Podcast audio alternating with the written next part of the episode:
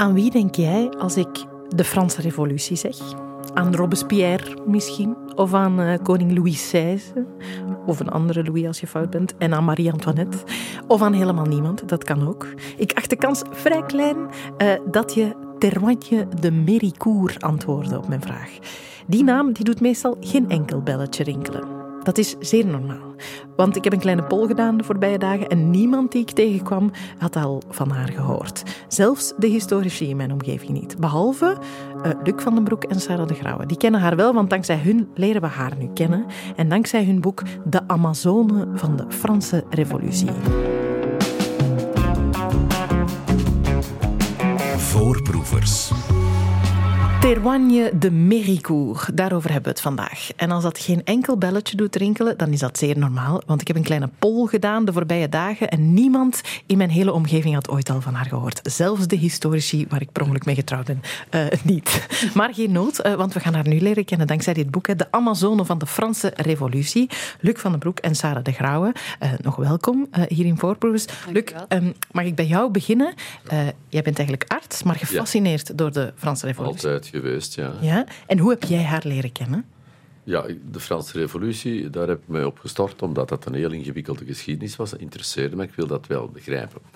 En als je in de Franse Revolutie een beetje uh, vooruit gaat, dan stoot je op een aantal vrouwennamen. Mm Dat zijn er niet zo heel veel.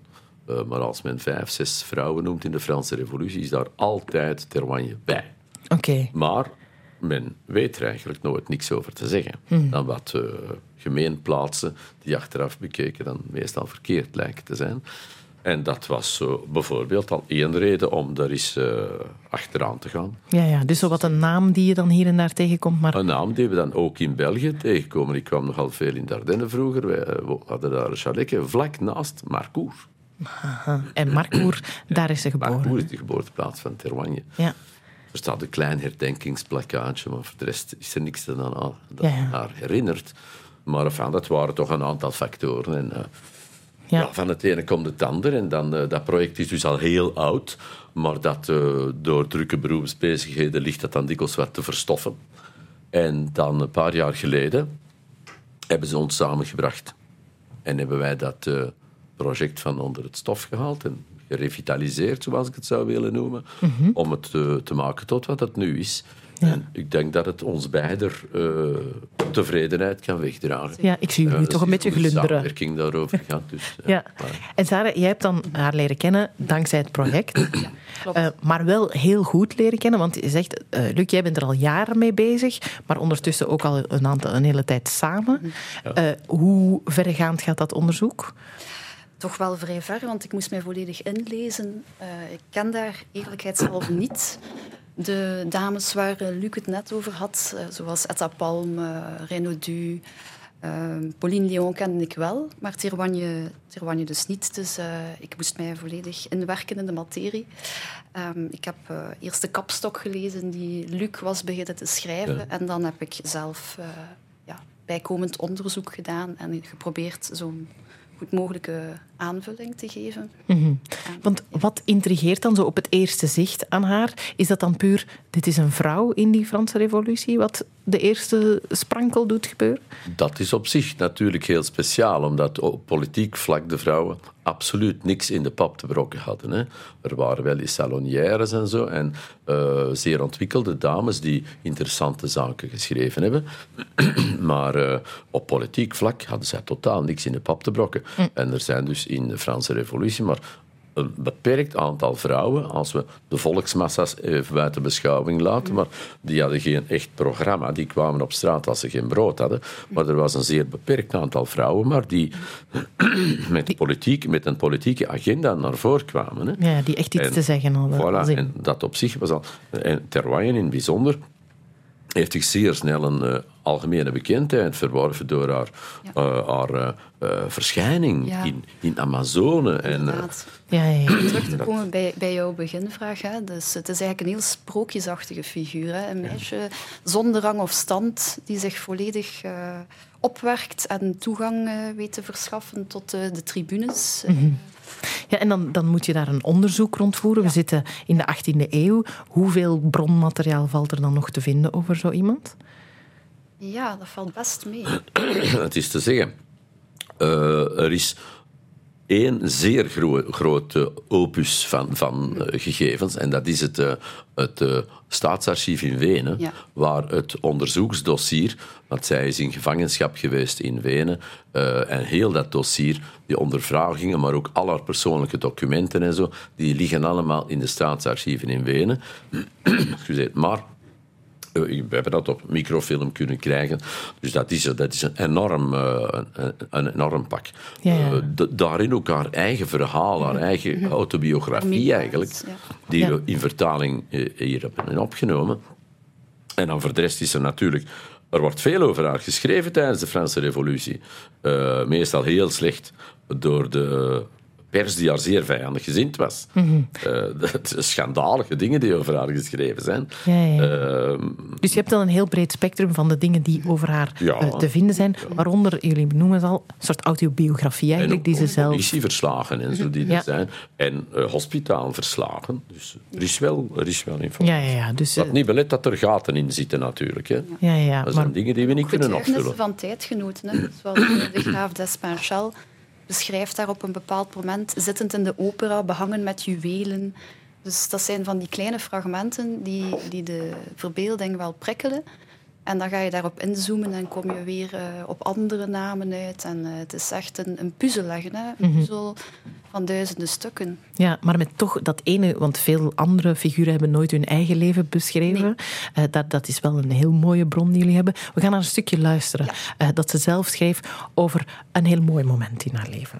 Wat ik nu ga zeggen lijkt niet erg geschikt om in een proces verbaal te worden opgenomen. Maar vermits men mij opdraagt verslag uit te brengen van de belangrijke gebeurtenissen uit mijn leven, gehoorzaam ik. Maar het kost me veel moeite. Er kwam bij de dame die ik vermeldde in de eerste periode een jonge Engelsman die mij het hof probeerde te maken op de meest eervolle en delicate wijze. Zijn gevoelens waren genereus en verheven. Zijn ziel was fier en zijn hart oprecht. Hij was mooi. Zijn uitdrukking straalde zoveel gevoeligheid uit wanneer hij over de liefde praatte, dat mijn hart zich stilaan aan hem overgaf zonder dat ik het zelf voelde. Ja, het is fantastisch om ze zelf aan het woord te kunnen laten. Natuurlijk niet haar stem, maar toch haar woord. Het staat helemaal ook in het boek. Um, over wanneer ze dat geschreven heeft en zo, daar hebben we het zo meteen nog wel over.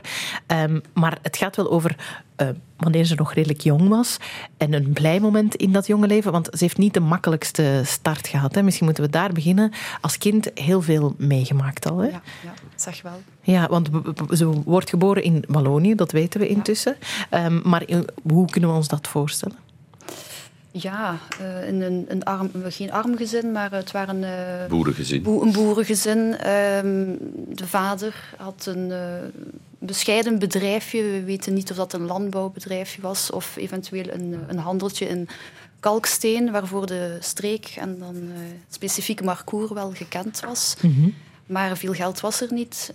Um, en uh, ja, ze heeft ook niet de educatie gehad. Uh, Haar moeder sterft zeer jong. sterft zeer jong.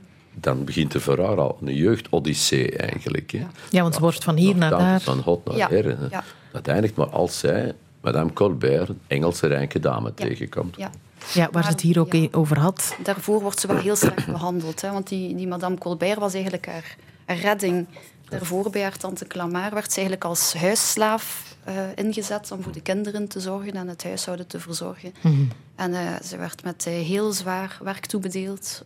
ze was nog maar 13 jaar. Um, en ze is daar eigenlijk wegge, weggevlucht.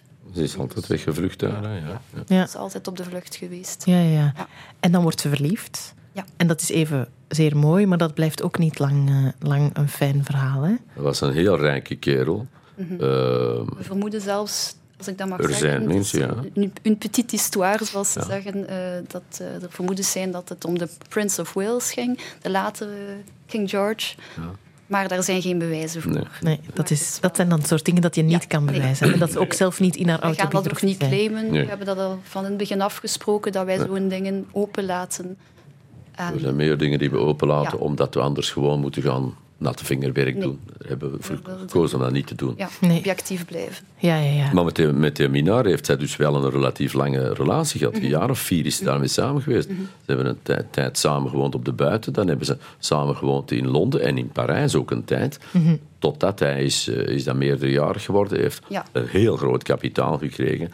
En die is helemaal eh Ja, en de losbandig losbandigheid gegaan, hè. eh, vervallen. Hij is beginnen vlieren fluiten. Gokken, Ja, ja, serieus jagen, vlierenfluit, ja, ja. ja, ja, inderdaad. En dan heeft Terwanje de relatie beëindigd. Ja, Maar hij heeft daar wel behoorlijk eh, geld nagelaten. ja. En dat stelt haar in staat om dan het leven te leiden dat ze daarna zal leiden. Ze heeft nooit moeten werken. En ze heeft nooit, want dat is wel bijzonder. En ze komt uit zo'n gezin en dan nooit. En zelfs andere mensen die ze ook moet onderhouden. En eh, dat, dat kan wel dankzij die minnaar die ze Haar broers heeft zij altijd Onder- financieel ondersteund. Ja, en jullie schrijven ook dat ze daar ook wel de mademoiselle uh, Terwagne wordt. Na- ja. ja. En dat ze die zelfstandigheid voor zichzelf inbouwde, heeft ze ook gekozen voor die naam. En eh, zij liet zich ook zo noemen, maar zij ging door het leven met vele namen. Hè. Eh, Ja, Dus eh, er wordt soms tijd. melding gemaakt van mevrouw Campinado, Campinados of Campinadon. Eh vuif ook, of spinster, ja. mm, wat eh, weduwe betekent. Eh, we weten niet waarom dat zij die naamtoevoeging eh Ja, inbouwde, maar eh, ja, het was wel zo. ja, ja. Zij heeft voor, voor zichzelf eigenlijk een mysterie gecreëerd. Zij heeft zichzelf een beetje gemythologiseerd, als ik het zo mag zeggen. Denk- ik denk dat dat een van de sterkste, de sterktes van uh, Terwanjen ook is geweest. Ze- heeft altijd een grote karaktersterkte Ja. Dat ja. staat buiten discussie. Hè. Mhm. Eh, ze is van zes jaar af heeft ze werkelijk haar plan moeten trekken. Mhm, En ze heeft dan wel wat ondersteuning gehad van die Engelse dame. En wat opvoeding gekregen van die Engelse dame. Mhm. Ja. Maar nadien heeft ze werkelijk haar eigen zaken moeten doen. Met veel sterkte, met een fantastische neus voor welke personen ze Ja. kon gebruiken in Ja. welke situatie. Hè. Het geld opende natuurlijk vele deuren. Hè, want Ja. Ze is dan in contact gekomen met een rijke bankier die haar altijd heeft eh, ondersteund, er altijd begeleid, blijven raad ja. gegeven, eh, waar ze ook een vriendschap mee heeft opgebouwd. Eh, ja, ja dus ze, ze leert allemaal mensen kennen die haar Ja. kunnen Ja, helpen. bijvoorbeeld haar broer, die, ze- die ze, eh, een van haar broers, die ze mee financierde. Eh, ze wilde de schilderkunst laten leren, maar ze stuurde je zomaar niet naar een of andere kladschilder. Nee, dat werd een leerling van David. Ja, Ja, ja. grote schilder in zijn tijd daar. Ja. Dus dat was altijd. En als zij een muziekleraar zocht, dan kocht ze niet. dat dat was de beste, hè? dat was. Tenducci. ja. Dat was wel een, een oplichter achteraf beschouwd. Ook. Ja. Maar het was wel een zeer goede muziekleraar. Ja, ja, dus ze ging niet voor het, het, het matige in het Nee, leven. nee. Ze ging... zich eigenlijk als een vis in die salons en in die, die rijkere kringen, terwijl ze eigenlijk die achtergrond niet had. Zij was ook niet bijzonder geletterd. Zij kon wel schrijven en lezen, maar zeker niet foutloos. Ze beheerste de Franse taal ook niet eh, Nee. eh, perfect. Dus- En hoe komt ze dan in Parijs eh, terecht? Ze komt in Parijs nadat... Enfin, ze is in Parijs geweest, eerder al met haar, met haar minnaar en zo. Hè. En... maar uiteindelijk bedoelt eh, de revolutie. Hè. Eh, zij heeft dan een mislukt eh, muziekavontuur in Italië met een Tenducci. Dat, dat springt, eh, de- dat is een mislukking. Eh, maar dus ze zit dan met die verguisde droom van haar muziek en haar Ja, want ze wil, zangcarrière. eigenlijk wil ze operazangeres Ja, worden. Ja, ja, ja, ja. zij heeft een zekere hang naar, naar beroemdheid wel. Hè. Ja. En eh, daar leest ze dan in de kranten wat er in Parijs te gebeuren staat, de samenroeping van de Staten-Generaal en zo. En zij zegt, ja, ja, dat is the place to be, ik ga naar daar. Maar ze kennen daar niks van. Nee, dus gewoon puur op basis van dat lijkt Allemaal moeten leren in de vergaderingen van Assemblée en in de discussies in de Palais Royal. Want daar woonde Ze heeft dat allemaal moeten leren. En we zitten dus in Parijs. ehm, Vlak voor de Franse Revolutie. Nu, zo'n revolutie, dat komt niet uit de lucht gevallen. Eh Terwanje heeft daar dingen over gelezen en ze denkt dat is de place to be op dit moment. Er broeit daar van alles. Maar hoe eh, betrokken is eh Terwanje helemaal in het begin als ze in Parijs aankomt? In het begin niet zoveel. In het begin gaat zij in Parijs zitten en ze leert van alles eh, in de, van de kranten en van de journalisten in de, in de Palais Royal. Maar al snel komt zij tot het besef dat de eigenlijke het hart dat dat eh, de assemblée is in Versailles. Want Palais Royal, Ja, Dat is- moeten we zeggen, dat is wel het epicentrum van de, van de revolutie. Ja, hè. in Dus daar, Parijs, eh, in ja. Parijs. Uh, Camille Moulin was bijvoorbeeld een van de, de voortrekkers van, de, van die revolutie, die dan in uh, Café de Foix op een tafel ging gaan staan met uh, zijn pistool in zijn handen, het volk aanspoorde om de kokarde op te spelden. Dat is zo'n insigne. Met de en om de Bastille te gaan. En om de Bastille, ja, om zich te bewapenen. Dus hij riep op om, om wapenwinkels leeg te plunderen. En, de mensen moesten zich bewapenen en de stad intrekken om de Bastille te bestormen. Wat dan ook gebeurd is, zoals iedereen weet. Ja, ja dus daar kwam iedereen ja, samen en werd er... Samen, ja. ja zij woonde daar om de hoek. Dus zij heeft zichzelf een spoedcursus politiek verschaft in het was... centrum van de revolutie. Ja. Het was een soort vrijhaven, omdat het was eigendom van de Duc d'Orléans. Ja. En omdat het eigen, privé-eigendom was, had de politie daar eigenlijk geen zeggenschap. Maar zij mochten daar wel allemaal zijn, want... Ja, ja dat, daar werd gehoereerd, daar werd ge, alles gebeurde daar. Hè. Echte place to be. Echte ja, place ja, to be, Het was uh, 24 op 24 open, als ja. we mogen begrijpen. het was een allegaartje van uh, kabardouchkes, Altijd plezier. boutiques, uh, restaurants, cafés. Een soort festival. Er was zelfs, dat Petit Histoire was zelfs een, een café, zoals dat heet, waar dat de, uh, de muzikanten blind waren. Okay. Zodat zij niet hun mond voorbij konden praten over wat ze allemaal gezien hadden ah, ja. in, in, het cabaret. ja, ja oké. Dus wat, wat, daar gebeurde, bleef daar. zoals dat in Las Vegas gaat ook. Uh, oké, maar uh, Luc, je zei daarnet, daar, daar was ze veel in die Palais Royal, maar ze beseft al snel dat ze ergens anders moet zijn. Ja. Want ze moet naar de assemblée. Dan ging ze in Versailles wonen. Dan ging ze alle dagen in de assemblée zitten. Ja. Op tribune nummer 6. Ja. En daar wordt ze gezien. Ja, ja ze, kenden, ze kenden haar ogenblikkelijk bijna. Hè. Met, ja. Mademoiselle dat was een begrip na een paar maanden. Hè. Ja, want als het gaat over de Amazone van de Franse Revolutie, dat Amazone, dat gaat over hoe zij gekleed over kleding, hè, over die, die riding coat of redingot in het Frans. Dat is een korte paardrijjasje en eh, een bijbehorende rok. Wat toch wel uh, ja, een uh, opvallende verschijning was voor dames in die tijd. En een heel grote hoed met uh, allerlei pluimage erop. ze heeft van die hoed ook haar handelsmerk gemaakt. En zij zag er opmerkelijk anders uit dan de vrouwen van haar generatie. Die allemaal een robe à l'anglaise droegen, zoals ja, Marie-Antoinette droeg. en zij was een beetje mannelijk. Zij, zij hield van die mannelijke uh, kleding die wat macht uitstraalde, die, die autoriteit uitstraalde. Mhm. ja, Dat was eigenlijk haar bedoeling, om, om zich uh, een plaats te verschaffen in dat, mannenbas, ja, in dat mannenbastion. Ja, Van in het allerbegin. Mm Parijs uh, beklaagt zij zich in een tekst die ze schrijft van het misprijzen dat de mannen ten opzichte van de vrouwen in de revolutie aan de dag leggen. Ja, ja, ja. Dat is van in het allerbegin dat ze zich daarover beklaagt. Ja, want als Op het moment dat ze eigenlijk nog niet activistisch bezig is. Nee. Want als het gaat over de liberté en de egalité, dat, gaat, dat is allemaal waar, maar alleen voor de mannen. En voor de... Voor zijns betalen. Voor zijns betalen. voor de rijke mannen. Zeggen, ja, ja. Ja, ja. Dus daar, daar gaat ze van, van in het begin uh, tegenin. Ze valt op, ze leert daar ook heel veel mensen kennen. Uh, we komen dan stilaan zo dicht bij een bekende datum met name de 14 juillet. Um, hoe, hoe, hoe, zit het met Terwanje op, op dat moment, op die dag? Daar heeft zij niks van meegemaakt, zegt ze zelf. Nee. Uh, er is al naar voorbij gegaan, ze heeft dat achteraf gehoord. En dan daarna is ze direct verhuisd naar Versailles. En daar is dan een volgende heel grote datum van de revolutie, de vrouwenmars van 5, 6 oktober. Mm Mars van de visvrouwen van Parijs naar, de, naar het paleis van Versailles, om de koning terug naar Parijs te halen. En er wordt haar achteraf ten laste gelegd dat zij daar een hele vieze rol in gespeeld heeft. Mm Maar dat is helemaal niet waar. Nee. Ja, achteraf zal ze er ook van vrijgepleit worden. Ja, ja, Maar het heeft daar wel... Uh, er waren zogezegd getuigen die haar uh, gezien hadden. Valse en getuigen. Valse getuigen.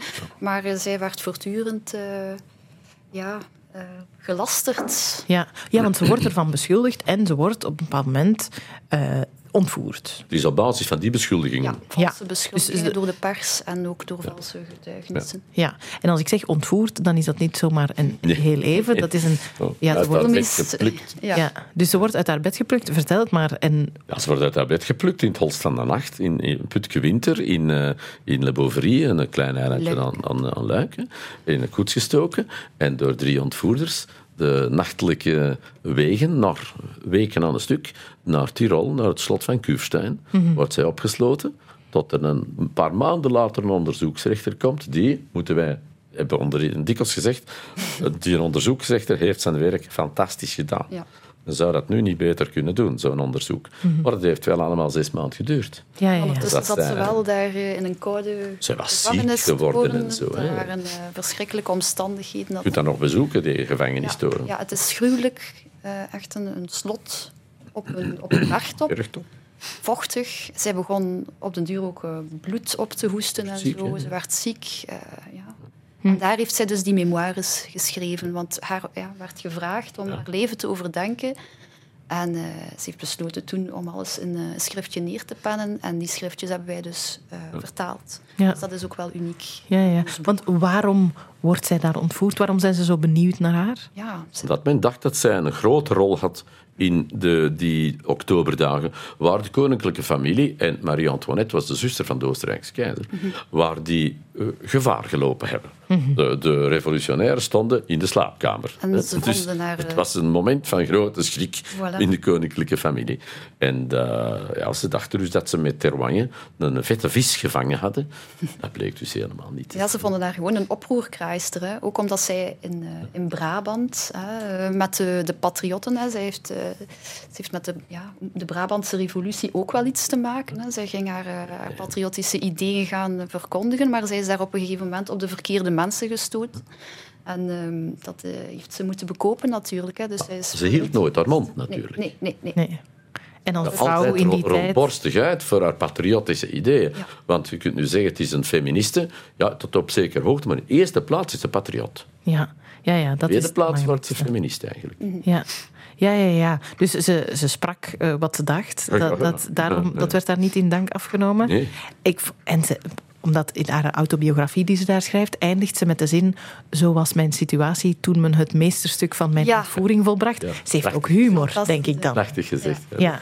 On a fait le, le chef-d'œuvre de Ja. Ja, ja, ze heeft ook wel humor, denk ik dan. Ja, zij, Zeker op zo'n moment. zij was onvervaard. Ze had nergens schrik van, zo leek het wel. Ja.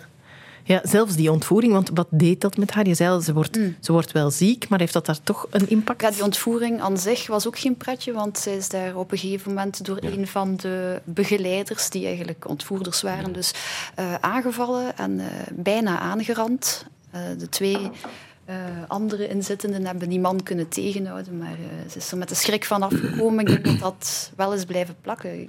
Het moet heel erg voor haar geweest zijn. En het moet vooral als zij dan een paar jaar later, waar we direct op zullen terugkomen, als ze dan terug met een arrestatie en een eh, opsluiting geconfronteerd wordt, dan denk ik, dan is er wel iets serieus geknakt. Ja, ja, dan pas echt komt Ja. het misschien allemaal binnen. Dan denk ik, dan is de boel ge- gebroken. Ja, ja. Ja. maar daar zijn we nog niet, want Nee. eerst wordt ze uiteindelijk, die onderzoeksrechter, die doet goed zijn werk en die, er wordt bewezen dat zij daar allemaal niks mee te maken Wel, wij heeft. vermoeden zelfs dat die onderzoeksrechter een boontje voor Terwanje Dat had. wordt... eh, we weten dat niet. Ook Ze, schrijft lieve, ze schrijven lieve briefjes, Ja. redelijk Ja, ja. familiaire briefjes Ze ook. Worden Maar kleine petite histoire, maar toch om weer te laten zien welke straffe madame toch wel was, dat zij is erin geslaagd. Want mm, op het einde van het onderzoek eh, gaan ze van Kürstein naar Wenen. Er heeft een beetje meer vrijheid. Dat beetje meer vrijheid, dat volstond voor haar om een privé-audiëntie, buiten wetenschap van haar onderzoeksrechter, een privé-audiëntie bij kanselier Kaunitz en een paar dagen later bij de keizer zelf te krijgen. Ja. En dat de keizer zelf zegt van ja, we, we de boeken toe, het is uh, gezet vrij. Ja. Ja, niet iedereen geraakt daar, Nee. natuurlijk. Nee, nee, nee. nee. Dat Daar moet je terwijl voor zijn om dat te kunnen, denk ik. Ja, ja, ja, ja.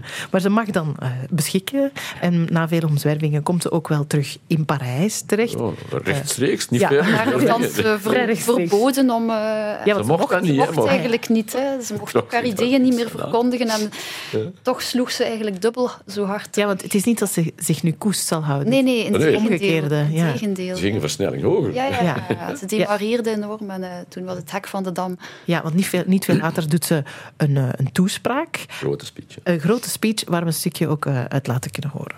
Burgeressen. Wij kunnen door volledige toewijding de draad van de intriges breken. Laten we ons bewapenen. We hebben hiertoe het recht door de natuur en door de wet. Tonen wij aan de mannen dat wij niet minder waardig zijn, niet in deugd en niet in moed.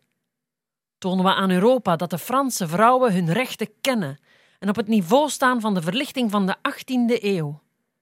Misprijzen we de vooroordelen die juist omdat het vooroordelen zijn, absurd en vaak immoreel zijn, doordat ze van deugden misdaden maken.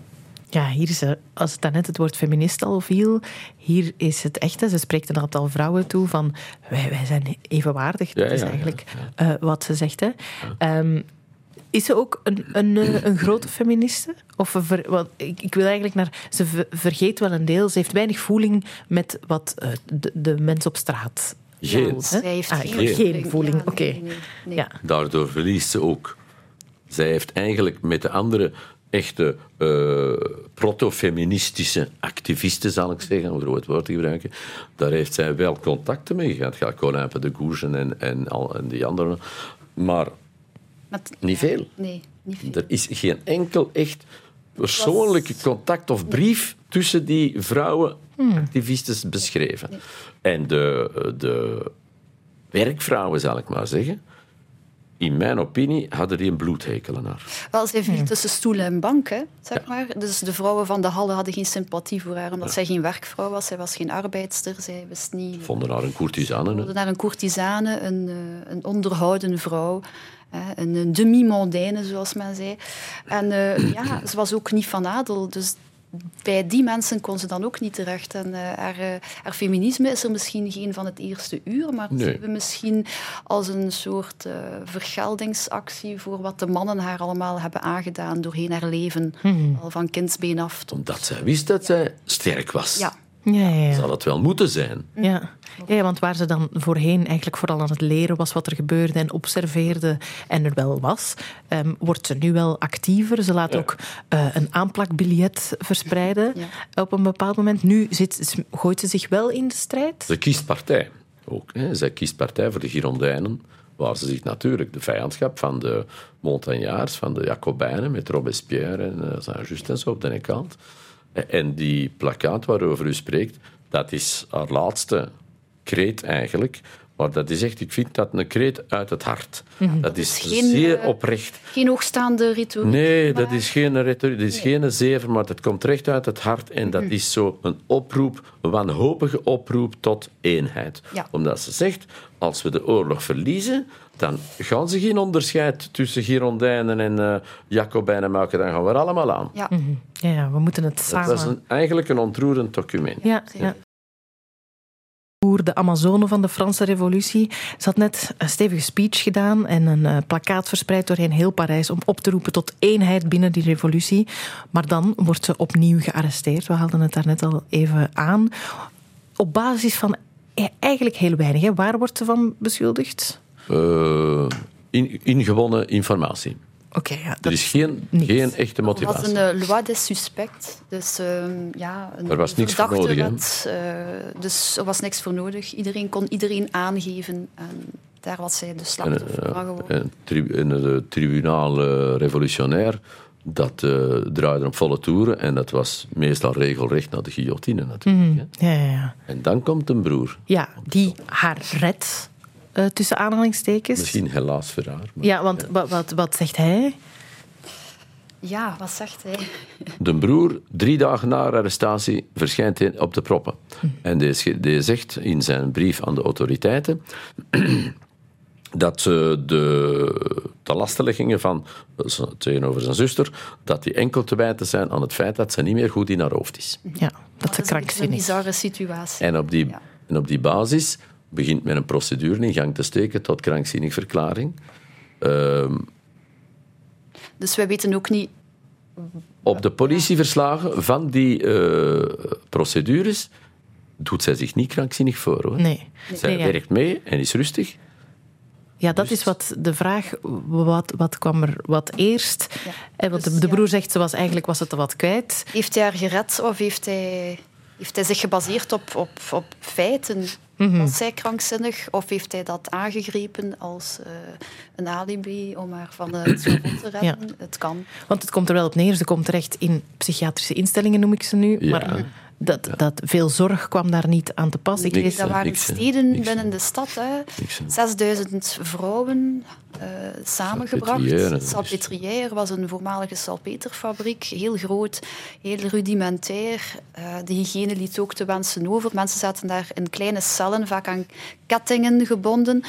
Eh, op zondag eh, werd de burgerij uitgenodigd eh, om naar de dollen te komen Ja. Ja, het was bijna alsof mensen naar de zoo... Een Ja. van de Zo zoo. Ja. ja. ja, inderdaad. En eh, dus dikwijls, ja.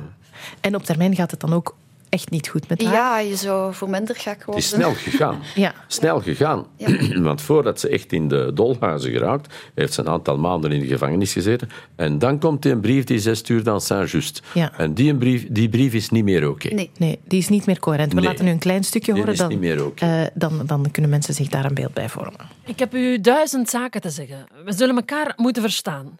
Het is noodzakelijk dat ik u al mijn projecten kan uitleggen en dat ik verder kan schrijven waaraan ik begonnen ben. Ik kan u verzekeren dat ik grote vooruitgang heb gemaakt. Ik heb geen papier, geen licht, het ontbreekt mij aan alles.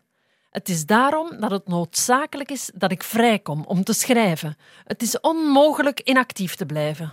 Ja, zo gaat ze nog een tijdje door. Hè. Ze vraagt van alles. Het is heel, een heel chaotische, een chaotische brief. Daarin krijg je een andere terwagne te zien. Hè. Dus da- daar gaat het echt niet goed met haar. Hè. Nee, en dan gaat het bergaf. Hè. Ze gaat van instelling naar instelling. en Ja, is, en, en zij schrijft brieven aan mensen die al lang dood zijn. ja. Ja, Dus waarvan ze het niet weet misschien. Ja, Ja. ze weet het misschien niet. Of schrijft ze nog een brief, Ja. maar dat is dan ook een brief, daar kun je niks meer van maken. Hè. Mhm. Het is, eh, En zij Ja. lijkt wel bevroren in een, in een taal van haar tegenstanders. Ja. Hè. Zij verwijt ook eh, iedereen voor modéré, eh enragé. Ja. eh, Ja, want die tegenstanders Ja. die zijn wel belangrijk. We zeiden daar straks al, ze heeft heel veel meegemaakt van andere revolutiona- revolutionairen die haar tegen, tegen haar kar reden. Maar ook de pers was ongelooflijk hard ze heeft haar. jargon van de Jacobijnen Ja. overgenomen en dat is ze blijven hanteren bijna tot haar dood. Mm, ja, ja. En de, de Lacanianen zullen daar waarschijnlijk die van alles er over te zeggen hebben. Maar wij zijn daar ook neutraal in gebleven. Ja. Wij, wij weten niet of dat eh, te maken had met schizofrenie of een meervoudige persoonlijkheidsstoornis. Allee, het, het is allemaal zo